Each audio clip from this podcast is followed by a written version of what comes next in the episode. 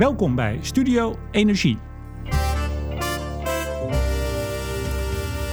Milieudefensie sleept Shell voor de rechter. Het bedrijf veroorzaakt gevaarlijke klimaatverandering, schendt daarmee mensenrechten en brengt levens in gevaar. Zo luidt de aanklacht. Morgen, 17 april, start de zaak officieel bij de rechtbank Den Haag. Shell moet van Milieudefensie zijn uitstoot veel sneller reduceren dan het bedrijf van plan is. Over de kans daarop en over minder fossiele energie in een wereld die schreeuwt om meer energie, praat ik met de directeur van Milieudefensie. Mijn gast, Donald Pols. Deze uitzending wordt weer mede mogelijk gemaakt door energieleverancier De Nutsgroep, Team Energie van Ploemadvocaat en Notarissen en netbeheerder Stedin. Meneer Pols, hartelijk welkom. Dank u wel en welkom bij Milieudefensie. Nou, hartelijk dank. We zitten op uw kamer in uh, Amsterdam Centrum. En morgen is het zover. Althans, als dit wordt uitgezonden, is het morgen zover, 17 april. Dan moet een advocaat van Shell zich melden om 10 uur bij de rechtbank in Den Haag. En dat komt door u. Ja, klopt. En um, wij zitten in spanning te wachten. Het is een unieke rechtszaak. Ik denk ook voor uh, de advocaat van Shell. Oké. Okay. Uh, ik zie u wel vaker optreden in het land en dan begint u meestal vrij snel te vertellen dat u uit Zuid-Afrika komt. Moeten we dat nu ook nog even melden? Ja, dat helpt wel als mensen merken dat de de en de hets en de a's en de o's niet uh, goed vallen.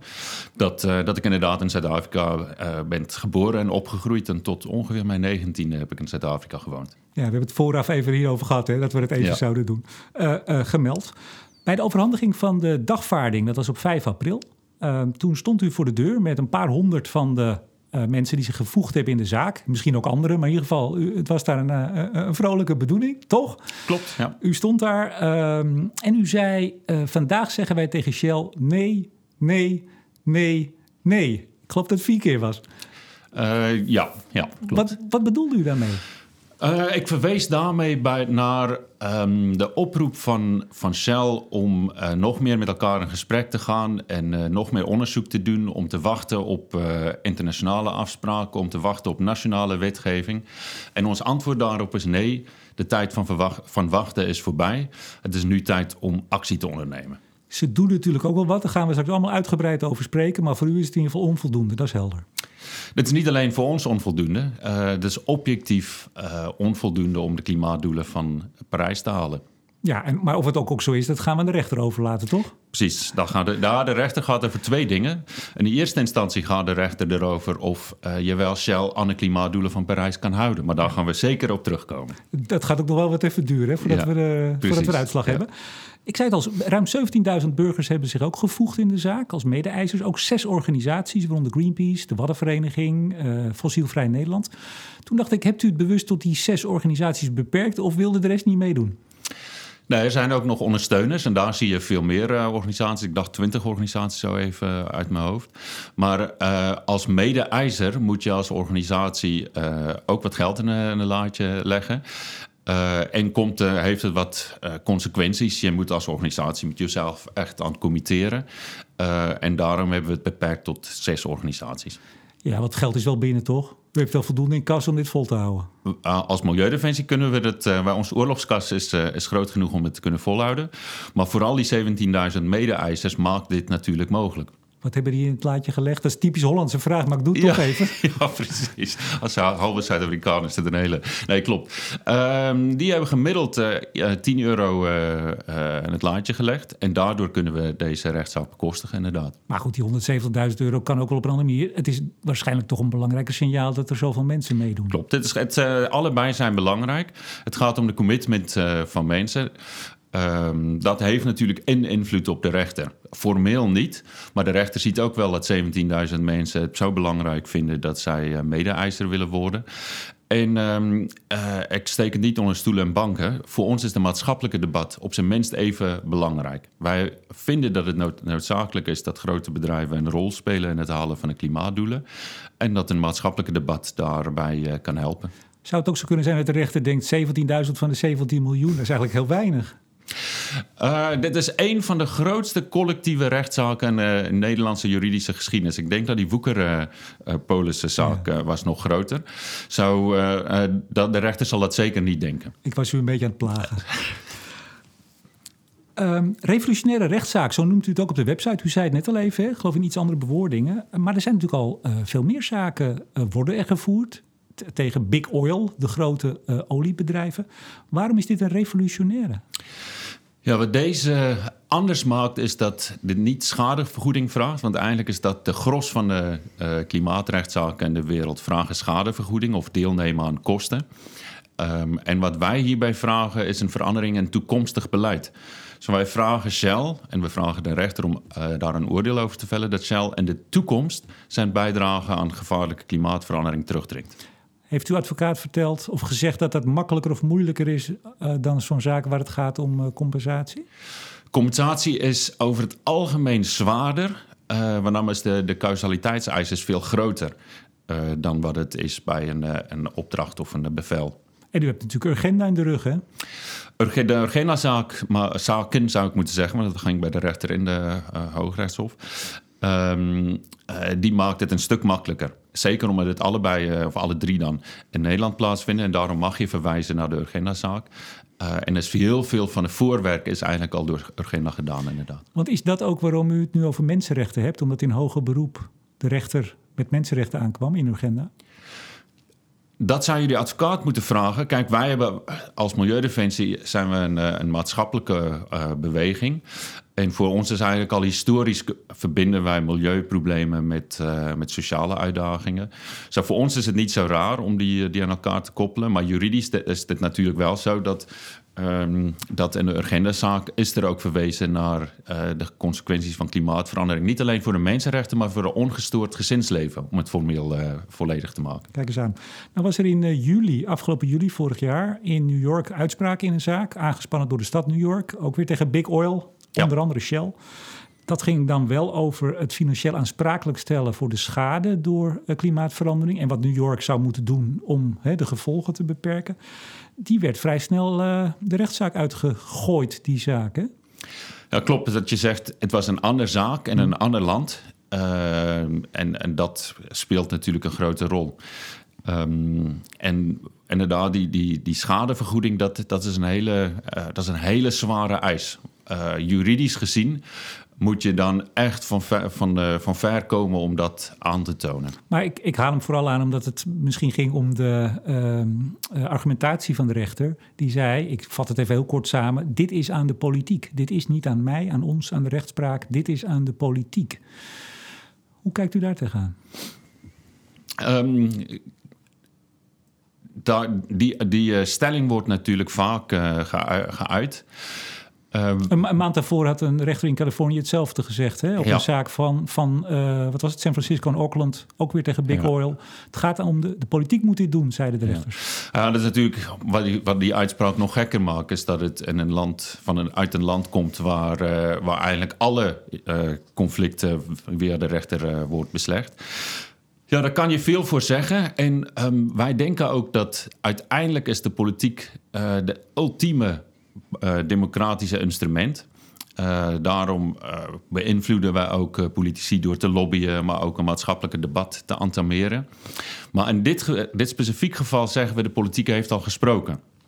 Uh, of en, misschien wel uh, gefaald, zult u misschien zeggen. Ik begin door te zeggen, de politiek heeft al gesproken. In uh, 2015, december, in het Parijs Klimaatakkoord... hebben 196 landen hebben, als politici hebben ze gezegd... klimaatverandering is een serieus probleem. Daar speelt de mens een belangrijke rol in. En wij gaan gezamenlijk ons verantwoordelijkheid nemen. Zo, dat is vertaald door de Europese Commissie en de Europese Raad een uh, klimaatbeleid voor Europa en dus uh, ook voor Nederland. En heel Nederland heeft dat ook weer vertaald uh, als beleid voor, voor Nederland in een regeerakkoord. Zo, um, vanuit ons perspectief zeggen ze, we politie hebben gesproken. Het is nu tijd voor de rechter om te oordelen of alle partijen, in dit geval Shell, zich ook aan de afspraken houdt. Maar is dat dan niet aan de politiek om die bedrijven aan de afspraak te houden? Daar hebben we wetgeving voor. En dan kan de politiek zeggen, beste meneer of mevrouw Shell, u, u moet het wat minder doen. Ja. Je duidt nu op echt, wat mij betreft, ik heb een, een meer filosofische achtergrond, uh, op misschien wel het interessantste onderdeel van, van onze rechtszaak.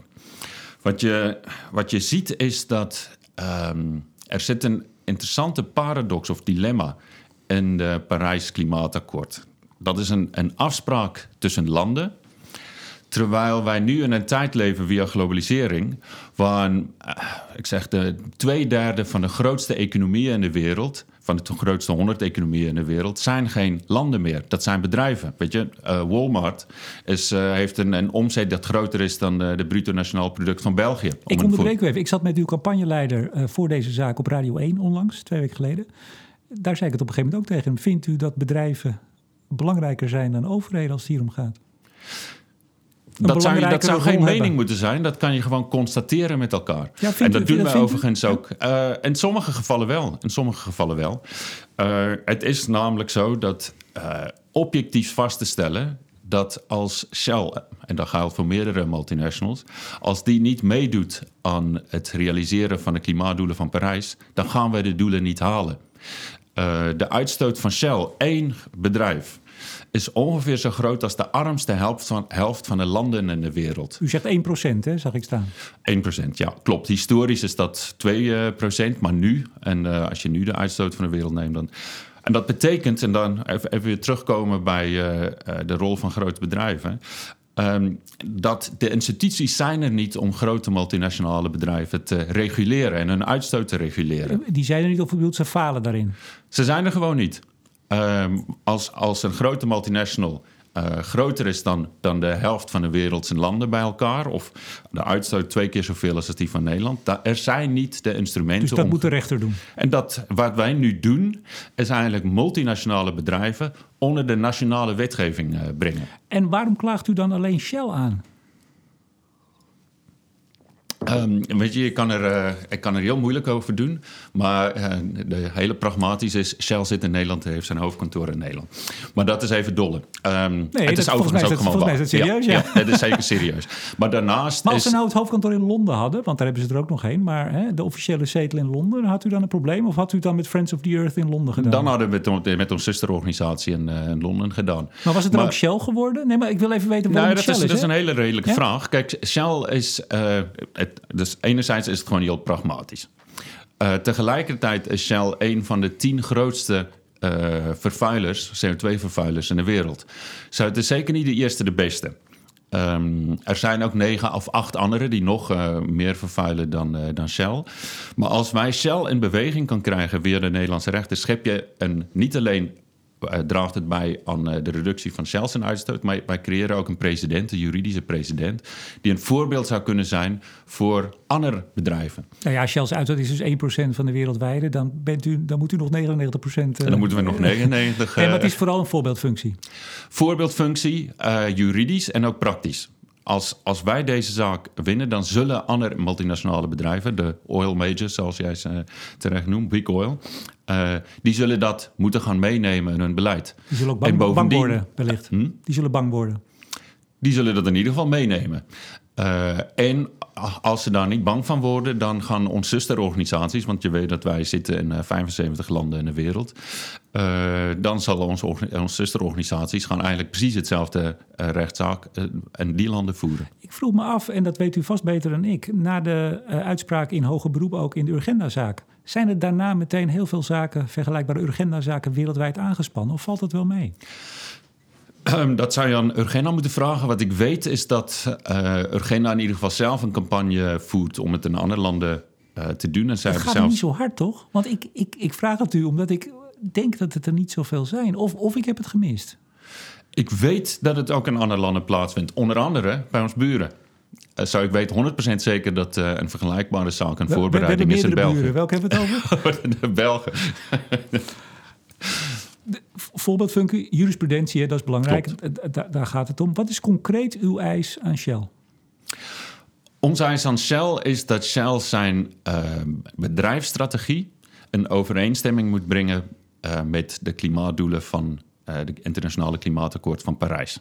En dat betekent dat uh, Shell zijn uitstoot van broeikasgassen moet terugbrengen tot nul in het jaar 2050. En als tussendoel ongeveer halveren, 45% reductie in 2030. En op, op welk pad zitten ze nu? Ja, wij, uh, dat, dat is een goede. Uh, ze, ze zitten ik in ieder geval niet. Ik heb hem niet voor niet... me liggen hoor, dus het ja. is een beetje flauw misschien. Ik heb hem, ik heb hem nog even opgevraagd vandaag.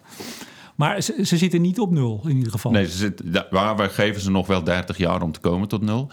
Uh, maar ze zitten, uh, ik weet niet precies waar ze nu zitten, maar ze zitten niet op uh, waar ze zouden moeten zitten. Nou, ik ga het u niet helemaal voorlezen, maar het is een Engelstalig statement dat we intend to cut the carbon intensity. we intend, we, we, we, hebben als doel ja. om dat te reduceren. 20% in 2035, de helft in 2050, maar dan gaat het wel om uh, alle emissies, uh, uh, dus lifecycle technisch. Dus het gaat om productie, transport en alles erop en eraan. Maar ook nog, en dat, dat, die compliment moet je zelf wel geven, ook gebruik. Zoals ze nemen bij de, het, hun eigen uitstootdoelen ook de CO2-uitstoot van hun klanten mee. Maar als dit, die 20% even, de tussendoel in 2035, als dat zou lukken... en inderdaad, u geeft ze de complimenten... dat zou toch best een, ik zou bijna zeggen, ook een revolutionaire stap zijn... voor een big oil bedrijf? Wij zouden dat verwelkomen. Uh, tegelijkertijd moet je zeggen dat. Nou ja, twee... u, zegt het is veel te weinig en ik sleep je voor de rechter. Dus het valt wel mee dat verwelkomen. Uh, wij zijn nog niet in 2030. Ehm, maar waar het ons om gaat, is uh, de absolute reductie. En wat zij doen is een relatieve reductie. Zo relatief tot. het is een, een CO2-reductie per eenheid energie geconsumeerd. Dat betekent dat zij een feite kan de absolute CO2 kan zelfs stijgen. Ja, als ze heel veel hernieuwbare energie opwekken. Precies, als ze daarnaast of uh, hernieuwbare energiebedrijven opkoopt of uh, verzin het maar. Een eco, ik zeg maar wat. Uh, precies, dat zou me niet verbazen als dat de motief is Dus u, u, zegt in lijn met Parijs. En dat betekent dus, nou u zei het al, die nul of netto nul. Hè? Je mag misschien nog wel wat uitstoten, maar dan moet je het onder de grond stoppen. Daar bent u ook geen fan van, maar daar komen we zo op. Um, eind vorig jaar bleek dat de wereld ook niet op koers zit. Hè? Dat weet u. Dat weet ik, inderdaad. Het en, uh, Special Report 15. Uh, ja, eigenlijk alle pledges, alle toezeggingen die gedaan zijn in Parijs... die brengen ons tot nu toe, althans wat tot nu toe de NDC's... Hè, de, de echte toezeggingen, de, de plannen... Uh, brengen ons maar op een derde ongeveer van wat er nodig is. Um, vindt u dan dat u Shell eigenlijk strenger kunt beoordelen... dan die landen die, zeg ik dan even in mijn woorden... er ook maar een potje van maken door maar op een derde te zitten? Ik kan er verschillende dingen op uh, zeggen. Onder andere zou je kunnen afvragen of er een relatie is tussen het feit dat uh, Big Oil, zoals jij ze noemt, bedrijven zoals Shell, ehm, niet gereguleerd wordt onder de Parijsdoelen. Wij laten zien in ons dagvaardiging dat Shell actief heeft meegeholpen geholpen bij het niet realiseren van de klimaatdoelen. Door bijvoorbeeld te investeren in zwaar vervuilende vormen van uh, uh, fossiele energie, zoals teerzanden. Uh, door actief te lobbyen tegen effectief klimaatbeleid. En dat hebben ze eigenlijk erkend afgelopen week, of twee weken geleden, door uit zo'n club te stappen die actief lobbyt Vond tegen. Vond u dat fijn dat ze eruit gestapt zijn? Dat is zeker uh, fijn dat ze eruit stapt. Um, en be beter laat dan nooit, zou ik zeggen. Zo'n week voor onze rechtszaak. Zou, zou ik bijna denken van het lijkt een relatie. U was daar net zo complimenteus voor Shell. Ik dacht, misschien kan er nog een complimentje af. Ja, er zijn nog een paar andere bedrijven waar ze uit uh, kunnen stappen. Maar um, kijk, uiteindelijk is het niet zo dat wij uh, een, een campagne hebben tegen Shell. Wij vinden dat Shell onderdeel moet worden van de internationale klimaatafspraken. Dat is de kern van onze rechtszaak. Zo, uiteraard zie ik ook wel eens als Shell iets goeds doet. Um, ik noem maar wat, deelnemen aan het investeren in een grote windmolenpark uh, op de Noordzee. En dat is prima. Grootste ter wereld. Een van de vijf grootste in de wereld. Ja, ja dat is heel mooi. Um, maar daar gaat het ons niet om. Het gaat erom dat Shell zijn investeringen en zijn beleidsstrategie uh, in lijn brengt met de klimaatafspraken van uh, Parijs. Wie is verantwoordelijk voor klimaatverandering in de wereld? Wij allemaal. Maar wie, dat is altijd als je met z'n allen zegt, we gaan met z'n allen iets doen, dan gebeurt er meestal niet zoveel. Ja, ja, precies. Dan, moet iemand de leiding nemen. Ja. Uh, politiek, we hadden het er net natuurlijk al over. Bedrijven, burgers. Welke volgorde? Klopt, het is, een, het is ook goed dat je die vraag stelt. Want uh, ik merk dat in de klimaatdiscussie wordt de discussie te veel platgeslagen alsof het een verantwoordelijkheidsdiscussie is. En dan merk je dat uh, de ene partij zit voortdurend naar de andere partij uh, te wijzen. Ik, soms ik zit ook wel eens in de Tweede Kamer aan ronde tafels en dan krijg je zo'n gevoel van een puberdans. Ik weet niet, jij en ik hebben ongeveer dezelfde ouderdom, dus misschien kan je het niet meer herinneren. Maar vroeger weet je dat iedereen aan de kant staat en wie gaat nou als eerste de dansvloer op? Volgens mij was u een van de eerste. ja. mijn Afrikaanse bloed bedoel je. Um, maar waar het om gaat is, het is een coördinatiekwestie. Van hoe zorg je dat wanneer iedereen verantwoordelijk is, dat we gezamenlijk actie uh, onderneemt. En dat is ook de kern van onze uh, rechtszaak, is dat wij zeggen, Iedereen heeft al een verantwoordelijkheid onder de internationale klimaatakkoord. Consumenten uh, betalen al bijvoorbeeld die hun CO2 wordt al gereguleerd. Weet je, als jij gaat tanken bij, uh, bij de benzinestation, dan merk je dat een uh, benzinebelasting aan het einde van de maand. Maar daar zit geen CO2-heffing in. Ah, dat is wel, die energiebelasting heet bijvoorbeeld de regulerende energiebelasting. En de overheid beweert, dat is, dat is terecht dat je die vraag stelt, maar de overheid beweert dat belasting bedoeld is om consumptie terug te dringen. Maar, goed, maar ja. het enige partij dat niet onder de klimaatakkoord valt, zijn de grote uh, internationale vervuilers. En dat is wat we nu doen. Wij brengen ze onder nationale klimaatwetgeving. Maar in Europa in ieder geval vallen de grote uitstoters... Ja, u noemt ze vervuilers, ik zeg altijd uitstoters, maar we bedoelen hetzelfde. Precies.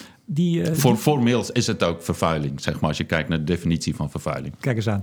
Um, ze vallen onder het ETS in Europa dan. En ook in andere, in Californië zijn ook uh, eh, ETS-achtige emissiesystemen. Daar vallen juist in Europa, laten we het daartoe beperken, de grote jongens wel onder.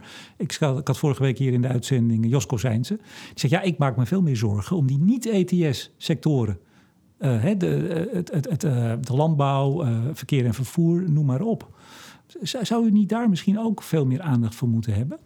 In Europa wordt de uitstoot van, van de grote uitstoters wordt geregeld. En die gaat uiteindelijk naar nul onder het ETS. Ja, kijk, Shell is een wereldwijd opererend bedrijf. Hè? Die, ehm, en uh, uiteraard is het goed dat de uitstoot van Shell en andere bedrijven uh, op Europees niveau geregeld uh, worden en gereguleerd worden. Maar waar het ons om gaat, is de internationale voetafdruk. De internationale CO2-uitstoot van, van Shell en andere grote uitstoters. En het is ook niet zo dat uh, uh, buiten de ETS dat er helemaal geen klimaatwetgeving uh, is. In de meeste landen zijn er dingen zoals wat ik net noemde, de regulerende energiebelasting en andere vormen daarvan. wordt er geïnvesteerd in, ik noem het waar, openbaar vervoer, et cetera. Hm. Shell moet harder naar beneden dan ze nu als plan hebben. Hoe moeten ze dat doen? Kijk, wij gaan niet op de, op stoel van de, van de directeur van of ik CEO dacht van dat Shell. u dat zou zeggen. ja. Maar wij geven in onze, in ons dagvaarding geven wel een aantal voorbeelden van wat een bedrijf zou kunnen doen. Um, dat betekent, in essentie betekent dat uh, een verschuiving van zijn investeringen weg van olie en gas en naar schonere vormen van uh, energie. Ja, van de ongeveer 25 miljard die ze per jaar investeren, Shell is nu ongeveer 1 tot 2 miljard dollar in hernieuwbaar, is het doel. En ze hebben aangekondigd vorig jaar dat het volgend jaar vanaf 2020 4 miljard zou kunnen moeten zijn. Klopt, ongeveer 5% van hun uh, uh, investeringsbudget gehad, uh, is de belofte zal naar duurzaam moeten gaan. En de rest 95% gaat gewoon nog steeds naar, naar olie en gas. En de verschillende vormen daarvan. Nou ja, als het 4 miljard van de 25 is, dan ligt die verhouding Ja, maar dan zou ik zeggen, dat zou ook al goed zijn als ze een oorspronkelijke belofte van, van die 2 miljard, als ze die zouden halen. Maar afgelopen jaar hebben ze daarvan maar 800 miljoen gehaald. Ik dacht 880, maar laten we niet op, op 10 miljoen gaan ja, kijken. Zou nog best het is geen 2, dat is helder. Ja, dus dan zou ik zeggen, begin nou maar met, je, met uh, je, je, oorspronkelijke beloftes uh, waarmaken. Maar het is een beetje, het, het, uh, dat is een detaildiscussie. Waar het ons om gaat, is je moet structureel je investeringen wijzigen van het bijdragen aan het probleem van klimaatverandering en het verschuiven naar de oplossing. En er is een prachtig voorbeeld. Je kent waarschijnlijk Dong Energy. dat is de grootste energiebedrijf. Voor van... de jongere luisteraars onder ons heet het Ørsted. Ja, dat, daar ik, jij hebt nu mijn cliffhanger een beetje. Maar het punt is, DONG uh, staat voor uh, Danish Oil and Gas. Het was tot voor kort was dat de grootste olie- en gas-energiebedrijf van Denemarken. En die heeft gewoon uh, willens en wetens een bewuste keuze gemaakt. Uh, wij stappen over, wij laten olie en gas laten wij achter ons. En wij stappen over op duurzaam. En uh, zij moeten bijna, hun doelstelling is in 2030, moeten ze een CO2-uitstoot tot ongeveer nul teruggebracht hebben. Maar met alle respect voor Ørsted en het goede werk wat ze zeker op ontwikkeling van offshore wind hebben gedaan, dat is natuurlijk geen Shell. Het, is geen, het was geen Big Oil. Het is wel een bedrijf die al in zijn naam. Het voor, voor, ja, voor Deense begrippen is dat Big ja, Oil. Voor Deense begrippen. Nou goed, laten we deze maar even laten liggen, denk ik. Maar het punt is, er zijn bedrijven die die keuze maken. Uh, en er zijn mogelijkheden, ook die onderzoeken tonen aan, uh, de klimaatonderzoeken waar je naar hebt verwezen, dat het mogelijk is, economisch haalbaar, om in 2050 inderdaad uh, olie en gas uitgefaseerd te hebben en natuurlijk ook kolen. Nou, daar gaan we het nu precies over hebben, dus dat is een mooi bruggetje. U, u, u gebruikt net het woord structureel. Um, wat ook structureel is, en dat weet u ook, uh, vermoed ik, dat uh, ondanks de enorme prijsverlaging, of prijsdaling moet ik zeggen, van zon en wind en de nou, enorme uitrol inmiddels wereldwijd van zon- en windparken, dat de verhouding fossiele energie en niet-fossiele energie al ruim 30 jaar gelijk is. Ongeveer 80-20. Die verandert niet. We gebruiken nog steeds eigenlijk percentueel evenveel fossiel. Hoe komt dat, denkt u? Uh, dat komt om, om veel redenen. Um, maar dat denk ik is minder interessant, want we zitten hier vandaag om uh, Shell en de rol van Shell uh, erin. Nou, ik denk dat het wel interessant is. Het, heeft in ieder geval ook te maken met het feit dat Shell miljarden blijft investeren in het in stand houden van het probleem. En niet investeert in het ontwikkelen van de oplossing. En meer nog, dat is niet alleen mijn mening, dat was ook de standpunt van Shell. Toen ze in, in ik dacht het jaar 2000 hadden ze een hernieuwbare energiestrategie aangenomen. En die hebben ze onderbouwd met uh, op dit moment is meeste van de hernieuwbare energie, daar heb je het nu over bijna 20 jaar geleden, hmm. is niet voldoende commercieel uh, haalbaar. Maar wij gaan dit haalbaar maken. Ja, dat was misschien wat daar zijn, ze, daar zijn ze helaas zeven jaar later van afgestapt. Maar ik wil het toch even met u... Ik snap dat u vooral over Shell wil praten. En dat is logisch. Maar ik wil toch even met u hebben over de wereldwijde energiesituatie. Want laat ik hem dan maar invullen. Dat komt omdat er een enorme vraag naar energie is. Ik zei het al in mijn intro. En dat uh, hernieuwbaar, want Shell is natuurlijk niet het enige energiebedrijf ter wereld. Er zijn ook bedrijven die ook nog meer doen. Dat de groei van hernieuwbare energie, die kan de vraag naar energie tot op heden niet bijbenen. Als ik u goed hoor, dan zegt u ja, dat komt mede door Shell. Dat komt door de fossiele wereld. Is het zo makkelijk? Of is die vraag echt wel zo groot en is daar gewoon niet tegenaan te windmolenparken bouwen? Kijk, je kan niet ontkennen dat het adresseren van klimaatverandering. En dan heb je het over, uh, in een groot mate over de manier waarop we energie produceren en consumeren. Uh, maar ook de hoeveelheid daarvan, dat het een enorme uitdaging is. Um, je gaat mij niet horen als zeggen dat dit makkelijk zal zijn. Maar zo um, klonk u wel een beetje. Zo van als Shell en misschien ook hun collega's, als die nou gewoon eens wat meer in hernieuwbaar investeren, dan is het opgelost. Nee, dan heb, uh, dan heb ik het. Of jij hebt me verkeerd gehoord, of ik heb me verkeerd uitgedrukt. Ik zal het verkeerd gehoord hebben. Ja. Uh, want het is zeker een uitdaging. Um, en, maar die uitdaging kunnen we alleen aan. Ik geloof dat we hem aan kunnen. De, uh, de geschiedenis van de mensheid is, is een, een conclusie van het adresseren van grote uitdagingen. Weet je, of jij het nou hebt over armoede aan het begin mm. van deze eeuw of de pest uh, uh, in, in, Europa. Onze beschaving uh, bestaat uit het oplossen van problemen. En dat gaan wij ook met klimaatverandering doen. Deze varkentje gaan wij wassen. Maar wij moeten hem wel in de ogen kijken voor we hem kunnen wassen. En dat betekent dat iedereen moet meedoen. Ook Shell. Dat zegt Shell ook. Daar bent u het met elkaar eens. Dat zegt meneer Van Beurden altijd. Ja, alleen uh, um, zeggen wij dan bij Shell... op dit moment staat Shell buiten de klimaatakkoorden. Uh, consequentie is dat zij vrijwillig niet de maatregelen nemen die nodig, nodig zijn. En tegendeel, het is aantoonbaar zo dat zij het probleem uh, verergeren. En wij zeggen, breng nou ook grote vervuilers zoals Shell onder klimaatwetgeving. Ik, ik heb meneer Van Beurden ook mogen spreken, ongeveer een jaar geleden uh, deze tijd. Daar hebben we het ook over dit punt gehad. Um, en dan zegt Shell, en dat zeg ik hem nu even na, en ik parafraseer uiteraard. Ja, er is gewoon een enorme vraag en wij vo vo voorzien in die vraag. En wat ik ook laatst met uw campagneleider een beetje in die discussie had: van ja, is dit nou een. een als nou het aanbod maar wegvalt, uh, dan lost zich vanzelf de vraag op. Maar dat is wel eens ge ge geprobeerd in bepaalde systemen, is niet echt een succes geworden. Nee, klopt. Alhoewel er wel een relatie is natuurlijk. En dat merk je ook. Shell zegt natuurlijk zelf, een uh, adjunct-directeur, verantwoordelijk voor gas... die uh, is ook geciteerd. En waarin die zei, wij zullen agressief nieuwe markten voor gas openen. Zo, wat hij daarmee uh, aangeeft, is dat zij actief de vraag creëren en aanmoedigt. Dat, zo heb ik het niet. Ik, ik weet wat u, waar u aan refereert, maar zo heb ik het niet gelezen. Dat, ja, nu moet ik even Shell napraten. Die zeggen dat, ja, dat is om de, de transitie maken zij ook naar gas met name. Daarvoor hebben ze ook British Gas gekocht. Of gefuseerd, wat was het? Ja. Um, om aan die enorme vraag te voldoen. U weet ook, uh, het IEA schat, en ze hebben het iets bijgesteld naar beneden. Nou, dat is misschien goed. Ik geloof ongeveer een kwart meer wereldwijde energievraag tot 2040 kwart meer. Eerst was het, uh, sommige scenario's zitten op de 30 procent. Ja, dat is niet bij te benen met zon en wind. Al, al gooit Shell er 20 miljard tegenaan morgen. De vraag is, um, hebben mensen een behoefte en is de vraag een energievraag of is dit een functievraag? En dan bedoel ik, het is een beetje academisch klinken, maar hebben mensen behoefte aan uh, brandstofauto's of hebben ze behoefte aan mobiliteit? Hebben ze uh, behoefte aan, war en, uh, gas om de huis te verwarmen of hebben ze behoefte aan een warme huis? hebben ze behoefte aan elektriciteit of hebben ze behoefte aan licht?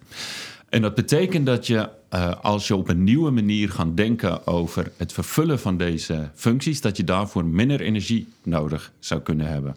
En dat zie je ook bij, bij mobiliteit.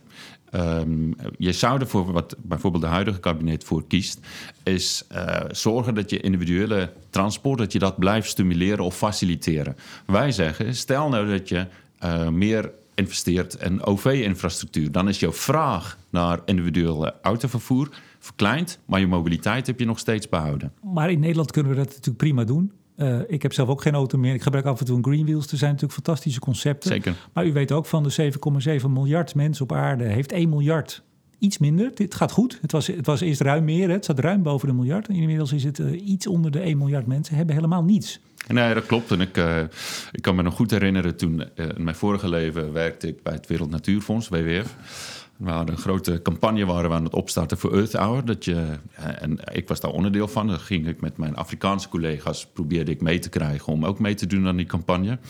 En uh, presenteerde dat een uur de licht uit. En toen stak een van mijn collega's zijn hand op en die zei... Uh, Donald, daar gaan we zeker aan meedoen zorg je eerst dat wij een lampje hebben om uit te kunnen doen, alsjeblieft. Nou, dat, dat is waar je, waar je op doelt. Um, ja, ik zat ook een klein beetje te lachen, want het is een leuk verhaal. Maar het is natuurlijk exact, geeft dat de kern aan. Precies, precies. Zou het, uh, uh, ik herken dat. Ik heb eigenlijk voor Milieudefensie uh, was mijn werkveld was vooral Afrika. Bij Energieonderzoekscentrum Nederland heb ik daar veel op gewerkt met tijd in China ook. Maar u weet ook in China de behoefte daar van de middenklasse aan een autootje die is heel groot. Die willen een autootje. En dat kan nog allemaal niet elektrisch. En, en ze bouwen er als een dolle hoge snelheidslijnen. Maar het is zo'n enorm land. Dat, dat, is niet, dat, dat helpt niet. Dat is zeker een eh, uitdaging. Maar ja, u zegt steeds dat is zeker een uitdaging. Nee, nee, maar, dat, dat, dat, herken je toch zelf ook wel. Maar waar ik op, daar zijn twee, uh, twee reacties op. Het eerste is, daar kom ik toch wel iedere keer weer op terug. Het gaat erom dat je uh, de behoeften van de mens moet je duidelijk definiëren. En die hoef je niet met fossiele energie te vervullen. Weet je, Afrika als voorbeeld. daar, daar, wordt goed werk gedaan. Daar gaat het inmiddels aardig, hè? Met de stap van fossiel overslaan. Precies. Lokale solar. Precies. Uh, leapfrog heette dan dat je over de. En dat gaat enorm. Nou, bijvoorbeeld het een kind. Nou, het gaat stevig. Ja? Het gaat echt stevig. Maar kunnen we het in Azië? Daar, daar zit de pijn. Uh, dat ligt eraan. Eigenlijk moet je dat niet eens zozeer uh, uh, het regionaal presenteren. Um, ik geef een beetje een verwrongen kijk. Want het gaat erom van stedelijk en ruraal. Als je kijkt op rurale gebieden is het eigenlijk relatief makkelijk om te doen met uh, uh, hernieuwbare energie. Uh, omdat het aanleggen van netwerken, dat is eigenlijk een, een, groot deel van de kosten en die slaat je over. Het gaat om de steden. Uh, en als je gaat kijken op stedelijk niveau, dan maak je het voor een deel wel beheersbaarder. Want weet je, jij was ook uh, in Bangkok, uh, al die motortjes die daar rondrijden. Het moment dat je die, het probleem goed definieert, dan zeg je: Goed, weet je wat wij gaan doen? Wij gaan daar tramsystemen aanleggen. openbaar vervoer systemen, elektrische. Maar, maar dan kom ik toch even terug naar die energievraag, prognose, groei. Nee, groeiprognose. Waar is die dan op gebaseerd? Waar komt dan die enorme vraag vandaan? Of komt die helemaal niet, zegt u? Kloppen de cijfers niet? Ja, een prognose en een scenario, dat zegt het al, dat gaat over de toekomst. Nee, maar als we terugkijken, zien we... moet, ik, moet ik nou alle getallen hier op tafel leggen, meneer Pols? U weet ook dat die energievraag enorm is gegroeid. En die zal naar alle waarschijnlijkheid zal die blijven groeien, gezien de... Um, maar wat, wat, ik iedere keer daarop antwoord is... Uh, dat, je, uh, dat wij het nu formuleren als een energievraag, maar die het ook kan zien als een behoeftevraag. Nee, dat is helder. En maar als je die behoefte gaat nog steeds om het oplossen ervan. En dat is dus, en zoals dat zegt, een nodig. uitdaging. Ja, en dat is een. Uh, maar ik zei twee, twee antwoorden. De eerste is dat je het dus niet als een energievraag moet zien, maar als een, een menselijk behoeftevraag, die je dus op een andere manier kan, kan invullen, die een wezenlijke rol speelt bij de manier waarop je het gaat adresseren. Bijvoorbeeld de behoefte aan een warm huis kan je ook oplossen door een dubbel glas. Uh, de tweede is, ik zou pleiten voor klimaatrealisme. Dat is dat zonder dat wij de klimaatdoelen van Parijs gaan halen, steven we af op een klimaatcatastrofe. En dat is op zijn minst even belangrijk als de groeiende energievraag die jij net uh, beschrijft. Um, de vakbonden ja, hebben no jobs on a, on a dead planet. Nou, en ja. geen energievraag op een dode planeet. Helder, maar dat is natuurlijk een enorm dilemma. Het is, en wat, wat zeg je tegen... je me net van. Wat, dat ik dit ook een dilemma wat, noemde. Nee, maar wat zeg je... U zei een uitdaging, geloof ik. Maar, ja. maar het dilemma is, uh, een miljard mensen zitten zonder. En ik haal dan toch even de, de uitspraak van die uh, New Yorkse rechter erbij. Want die legde dat wel goed neer. Die zei, the immense act and complicated problem of global warming requires a comprehensive solution... Nou, dat is logisch. That weighs the global benefits of fossil fuel with the gravity of the impending harms. Dus de voordelen van goedkope fossiele energie, die die miljard mensen vooral uit de armoede kan halen. Want daar hebben we het ook, we hebben het over behoeftes. Nou ja, die mensen hebben behoefte aan welvaart, want die zijn straatarm. Dat afgezet tegen die enorme uh, risico's met uh, klimaatverandering. Hoe, hoe, hoe, kijkt u daarnaar? Ja. Want u kent die wereld, u, u hebt veel gereisd, u, u bent er geweest. Ja, zeker. En ik heb net een mooie anekdote gegeven die volgens mij dat, en ook volgens jou dat mooi uh, uitdrukt. Maar wat zeg je tegen die miljard mensen? Want Shell heeft vorig jaar aangekondigd dat ze voor 2030 100 miljoen mensen aan de elektriciteit willen helpen. Van die miljard. 10% door Shell in, voor 2030. Hoe kijkt u daarnaar? Je eerste vraag is van hoe ga je die, uh, die miljard mensen van uh, elektriciteit of energie uh, voorzien? U mag ook met de tweede beginnen. Ja, maar ik, ik, begin maar bij de, die, die volgende die jij dan bij aanhoudt. Dat betekent inderdaad, en dat denk ik doel je ook op, dat wij in het rijke Westen, dat wij ook onze energievraag omlaag moeten brengen. Wij, er is geen enkel, dat daar heb je 100% gelijk en er is geen enkel manier waarop wij aan de wereldwijde behoefte aan, uh, aan energie uh, kunnen voldoen als wij in het Westen, uh, Nederland, maar vooral natuurlijk Amerika als, als voorbeeld van, van een enorme energiehonger, als wij op die ontwikkelingsmodel blijft doorgaan. En daarom, dat zie je ook terug. Die herkenning zit ook op de, bij de Europese Commissie, Europese beleidsmaker, maar ook in Nederland. Dat wij enorm zwaar inzetten om onze eigen energievraag terug te dringen. Om zo ruimte te creëren voor uh, de miljard mensen die uh, op de stoep staan. Met een terechte vraag van wij willen ook toegang tot de, uh, de, de mooie functies van de moderne beschaving. Maar het vervelende is, u kent ook vast wel, ieder jaar komt het IEA met zijn, uh, met zijn rapport. En dan zit altijd een kaartje bij over bijvoorbeeld die energievraag. En dan zie je dat Amerika, uh, West-Europa of, of, de EU en Japan, die staan altijd in de min, die krimpen. Daar neemt de energievraag al af, ook in Amerika. En dat is dan in een cirkeltje aangegeven. En dan zie je een enorme ballon zie je in, uh, nou, Zuid- of in Azië, in China, India met name, Afrika, Zuid-Amerika. Dus ons, ons, uh, ons best doen, uh, ja, dat zet tot nu toe, ja, dat valt gewoon weg in die enorme groei in die andere werelden. En precies die, die enorme urgentie om uh, en die, en die energievraag op een manier te voorzien dat niet de klimaat beschadigt, dat zit ook achter ons, um, ons rechtszaak tegen Shell. Wij zeggen, als een grote bedrijf zoals Shell, die jaarlijks een winst van, uh, van wat het 18 miljard, denk ik, uh, per jaar maakt. Als hij, hij zijn ongekende middelen, uh, financiële middelen, maar ook zijn, zijn kunde en zijn reputatie inzet om alternatieve vormen van behoeftebevrediging te ontwikkelen, alternatieve vormen van energie, maar ook alternatieve vormen van mobiliteit en warmte. Dan is de kans dat wij aan die behoeften van die miljard mensen gaan voldoen, zonder dat wij de klimaat beschadigen, is in ieder geval een stuk groter dan wanneer Shell doorgaat zoals hij nu doorgaat. Maar als, als Shell morgen zegt uh, tegen de aandeelhouders... we gaan die 18 miljard of hoeveel daarvan maar dividend is... gaan we niet uitkeren, stoppen we in extra... moet van meneer Pols en van de rechter... stoppen we in extra uh, uh, investeringen... dan valt het bedrijf gewoon om. Dan, dat stap, is dan stappen partijen eruit. Dat is nog net de vraag. Wij laten ook in onze uh, dagvaarding zien dat er meerdere mogelijkheden zijn om uh, als bedrijf je te hervormen. Uh, en niet actie ondernemen is natuurlijk ook niet zonder risico's. Vraag dat maar aan Kodak. Zeker. Uh, of BlackBerry. Uh, die ook uh, kozen om op de ingeslagen weg door te gaan... terwijl de samenleving om zich heen uh, aan het veranderen Nog even over die vraag van Shell... met die 100 miljoen mensen uit de, uit de energiearmoede halen. Wat vindt u daarvan? Ik moet het nog zien. Ik, ik ken die, die stelling niet. Het is zelfs in een filmpje door meneer Van Beurden op, het social, op de social media's geknald. Aha. Dat is hun inzet om in 12 jaar 100 miljoen mensen uit de uh, dus aan de energie te helpen. Ja. En dan zou mijn eerste vraag zijn: op welke manier doe je dat?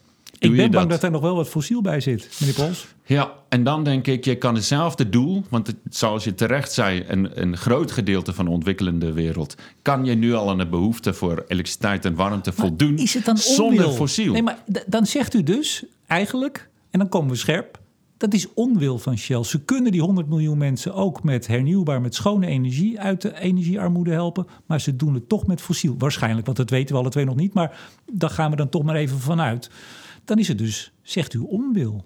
Ja, inderdaad. Ehm, en dat zeggen wij ook in ons dagvaarding, dat uh, Shell willens en wetens ervoor kiest voor een bedrijfsmodel en een investeringsstrategie die uh, bijdraagt aan klimaatverandering. En meer nog, dat ze dat al 50 jaar weten. Ze zijn 50 jaar ervan op de hoogte dat hun bedrijfsmodel uh, bijdragen aan, aan, een, aan een catastrofe, een klimaatcatastrofe. Uh, en toch hebben ze geweigerd om erin te investeren. En dat is natuurlijk, daardoor wordt je vraag ook zo scherp. Scherp omdat wij hebben nog maar 30 jaar.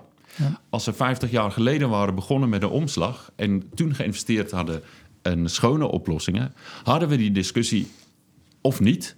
Of had hij een totaal andere kleur gekregen omdat wij alternatieven voorhanden hadden? Meneer Van Beurden zei in het interview tegen mij toen ik hem dit ook voorlegde. Hij zei, ja, u kent het, hè? ze hebben die film gemaakt, ik geloof in de jaren tachtig, om te waarschuwen. Daar zijn ze geloof ik zelfs nog mee uh, naar, naar, buiten gegaan. Um, ik, heb die, ik heb het interview niet meer teruggeluisterd. Uh, dat had ik eigenlijk even moeten doen voordat ik hier kwam. Maar ja, uh, Van Beurden zei iets van, ja, dat, daar werd niet naar geluisterd. Het gaat er natuurlijk niet om of andere mensen ernaar geluisterd hebben of niet, maar of de directie van Shell ernaar heeft geluisterd. Wij spreken uh, Shell aan op een, uh, zijn maatschappelijke zorgvuldigheid. Uh, dat is een erkend principe en, in het Nederlands eigenlijk een hele westerse recht. dat betekent dat wanneer je weet dat jouw activiteit schadelijke gevolgen kan hebben, dan heb je de, de plicht om daar volgens te handelen, om die schadelijke gevolgen binnen redelijke perken af te bouwen. En dat gaat er dus niet om of andere mensen die filmpje hadden gezien. De directie van Shell, die wist dus dat hun activiteiten bijdragen aan schadelijke klimaatverandering. En hebben toch ervoor gekozen om niks te doen omdat zij denken en dachten te handelen volgens alle rechtsgangnormen en zaken. En dat is ook zo. Dat ontslaat ze niet van hun plicht, dat zegt u. Hè? Dat is inderdaad precies, uh, precies het punt. Kijk, wij willen uh, daarachter, wij willen niet in een samenleving leven waar ieder minutieuze actie van een persoon via in bedrijven via de recht geregeld worden. Omdat we dat niet willen, uh, gaat de rechter ervan uit dat je een zorgplicht hebt. Dat je gewoon een uh, algemeen, jij ook als individu, maar zeker grote bedrijven, uh, moet handelen van wat, wat je voelt goed is. In ieder geval geen schade berokkend aan anderen. En er is een hele goede voorbeeld ehm, in, in, Nederland, de asbestzaak. Mm Daar hebben bedrijven ook toen ze asbest verkochten, uh, deden ze dat uh, binnen de toen fungerende wet en regelgeving. Het mocht gewoon, je mocht uh, asbest verkopen. Maar ze wisten wel dat asbest tot kanker zou leiden. En nu nog krijgen ze daar, worden daar nog schadevergoedingen voor uitgekeerd. Maar die, die uitspraak die ik net volgens van die New Yorkse rechter... Um, dat eigenlijk het afwegen is tussen de voordelen van fossiele energie en de, ja, de zware nadelen, zoals hij het ook schreef.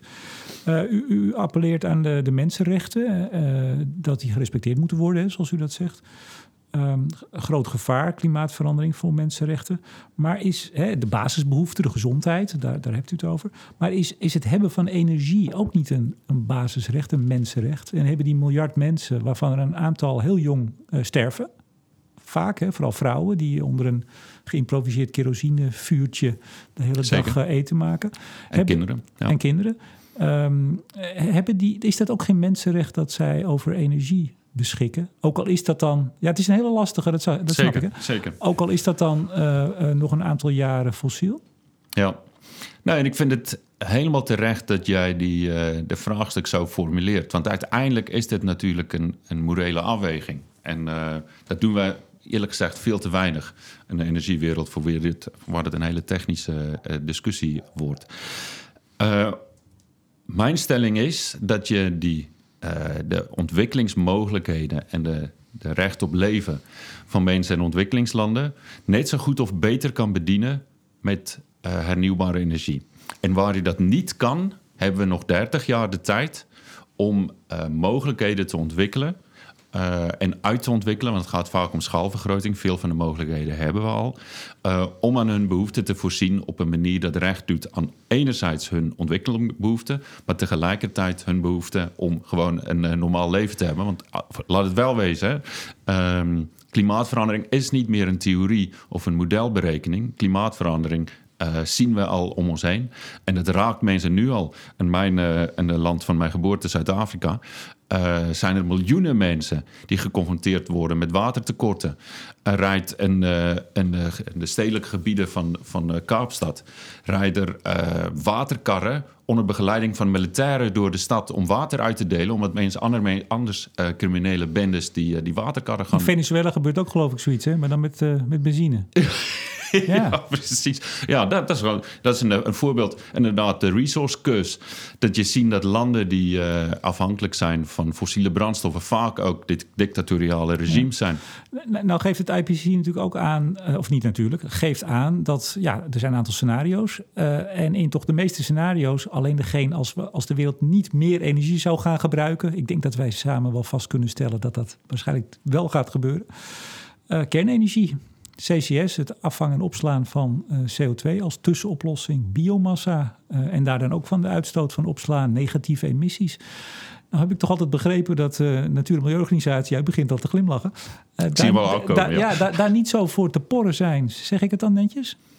Je zegt het netjes, inderdaad. U wil het niet. Wil is een hele grote woord. Um, wij staan erop dat je per optie gaan bekijken van welke andere opties er zijn en de beste, de goedkoopste en het snelst uitrolbare uh, optie uh, kiest, waar de uh, negatieve neveneffecten tot een minimum beperkt zijn. En als je dan kijkt naar, naar bijvoorbeeld kernenergie, dan antwoordt het een aantal criteria beantwoordt het niet. Het is bijvoorbeeld veel duurder dan zon en wind.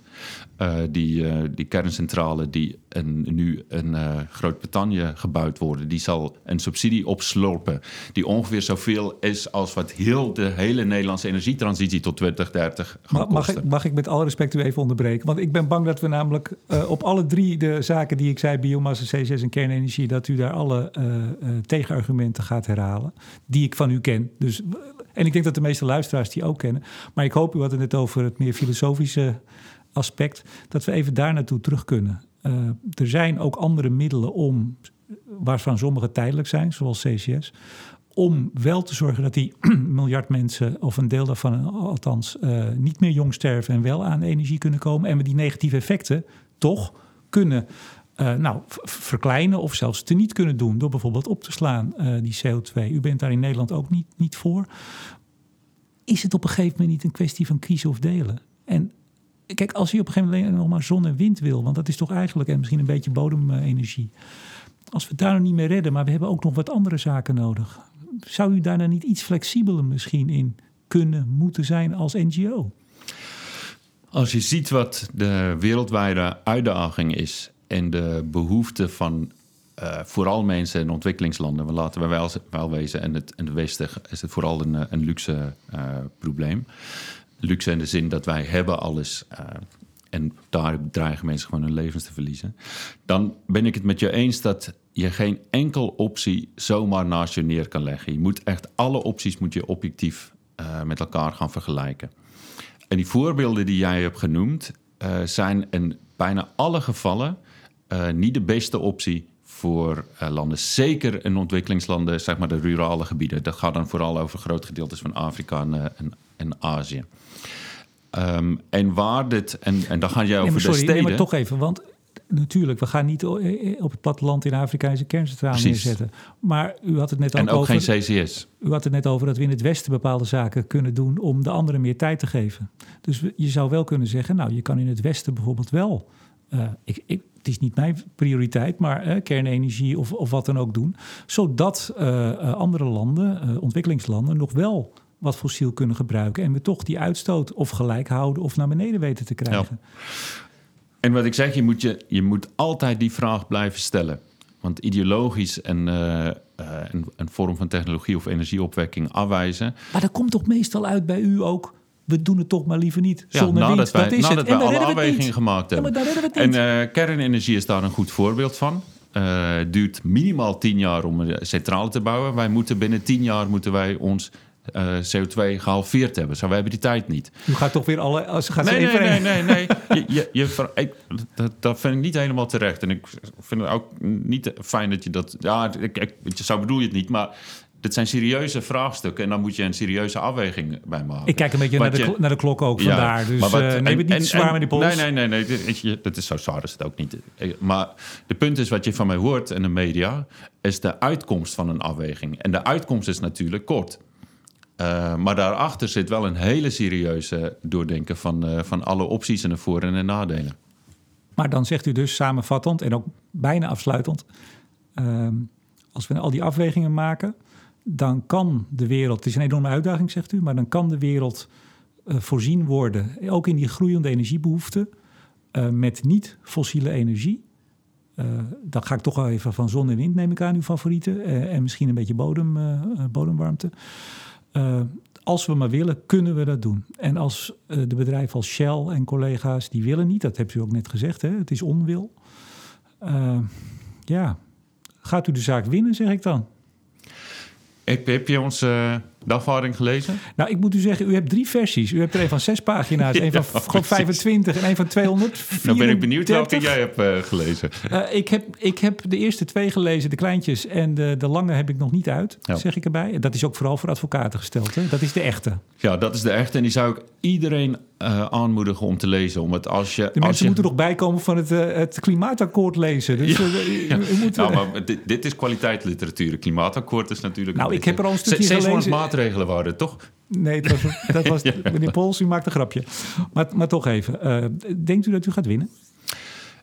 Ik ben uh, nog meer ervan overtuigd dat mij een zeer gereden kans maak om te winnen. Uh, nadat ik die dagvaardiging weer eens gelezen heb. Een jaar geleden was ik iets voorzichtiger. Um, maar als je ziet die, die kwaliteit van, van ons dagvaarding, 250 pagina's, 100, 15 uh, klappers met uh, bewijsmateriaal verwijzen naar uh, de jurisprudentie en binnen- en buitenland. Um, wij gaan hier echt een revolutionaire doorbraak forceren. En niet alleen het Nederlandse klimaatbeleid, maar een mondiale klimaatbeleid. Want wat zal het gevolg zijn als u wint? Dat zou betekenen dat grote vervuilende bedrijven zoals Shell. Uh, even weer te, in herinnering roepen, twee keer zoveel broeikasgas uitstoot als heel Nederland bij elkaar. Dat die zich ook moet gaan houden aan de internationale klimaatafspraken van Parijs. En als u verliest? Als wij verliezen, dan uh, is dat een illustratie van het feit dat de grootste vervuilers dus niet gereguleerd worden. En dat zal dan ons volgende stap zijn, dat we uh, die thema dan uh, op de agenda moeten zetten en ervoor zorgen dat grote bedrijven die uh, wel gereguleerd worden. Dan zou u toch weer naar de wetgever terug moeten. Dan zullen we weer terug naar de wetgever. Wij zijn ervan overtuigd dat de wetgeving er nu al is. Parijs-Klimaatakkoord stelt een internationale norm. Uh, nationale bedrijven of internationale bedrijven hebben zich te houden aan die norm. En we gaan de rechter vragen om die norm ook uh, af te dwingen richting Shell. In de agendazaak is de staat gedaagd. U daagt nu Shell. Ziet u ook in de toekomst gebeuren dat er personen voor de rechter worden gedaagd? Politici, CEO's? Ik sluit het niet uit. Uh, je weet zelf dat, uh, denk ik, dat Polly Higgins, die overigens nu aan, uh, aan kanker lijdt, de, de voorvechter voor ecocide, die is bezig om het concept van persoonlijke aansprakelijkheid bij de internationale gerechtshof aan te kaarten. dat is zeker een mogelijkheid. Zit u daarop te wachten? Ik bedoel, nee, dat, die, her, die, her, die herformuleer ik even. Ja. Wat, wat, wat, denkt u? Want dat is nogal wat, hè? Ja, dat is zeker uh, wat. Um, en daar stel je nogal een, een vraag. Ik, ik, zou zelf dat, ik zou zelf er toch voor kiezen om uh, uh, rechtspersonen, als je het zo wil, aansprakelijk te stellen, liever dan individuele. en waarom? Ja, dat, dat is gewoon intuïtie, moet ik nu zeggen. Maar ik kan me voorstellen dat het moment dat de schade van klimaatverandering zo substantieel wordt, dat een rechter zou kunnen oordelen dat individuen wisten van de risico's en dat ze toch kozen om te handelen en strijd met het voorkomen van die risico's. En bovendien als individuen daar ook veel uh, daar, daar beter van zijn geworden, een substantieel salaris voor uh, hebben ontvangen. Maar dan zijn het niet de burgers in uw. Uh, nee, want volgens, daar... volgens het zorgprincipe, de maatschappelijke zorgprincipe, dat ik, wat de basis is van, van onze rechtszaak, moet je een, een wezenlijke invloed op de schade hebben. En als individu, burgers, consumenten is jouw bijdrage aan klimaatverandering minimaal. Dus dan praat je inderdaad over CEO's, bazen van bedrijven en politici. Vanuit een functie. Zeker. Want eh, als individu zijn ze natuurlijk gewoon een consument. Maar als eh, CEO maken ze besluiten uh, over een bedrijf die twee keer zoveel uh, broeikasgas uitstoot als heel Nederland bij elkaar. Donald Pos, directeur van Milieudefensie, hartelijk dank voor dit gesprek. Dankjewel. Ik bedank ook deze week weer energieleverancier De Nutsgroep, Team Energie van Ploemadvocaten en Notarissen en netbeheerder Stedin voor het mede mogelijk maken van deze uitzending. En uiteraard bedank ik jou, beste luisteraar, voor het luisteren. Mijn naam is Remco de Boer. Graag tot volgende week.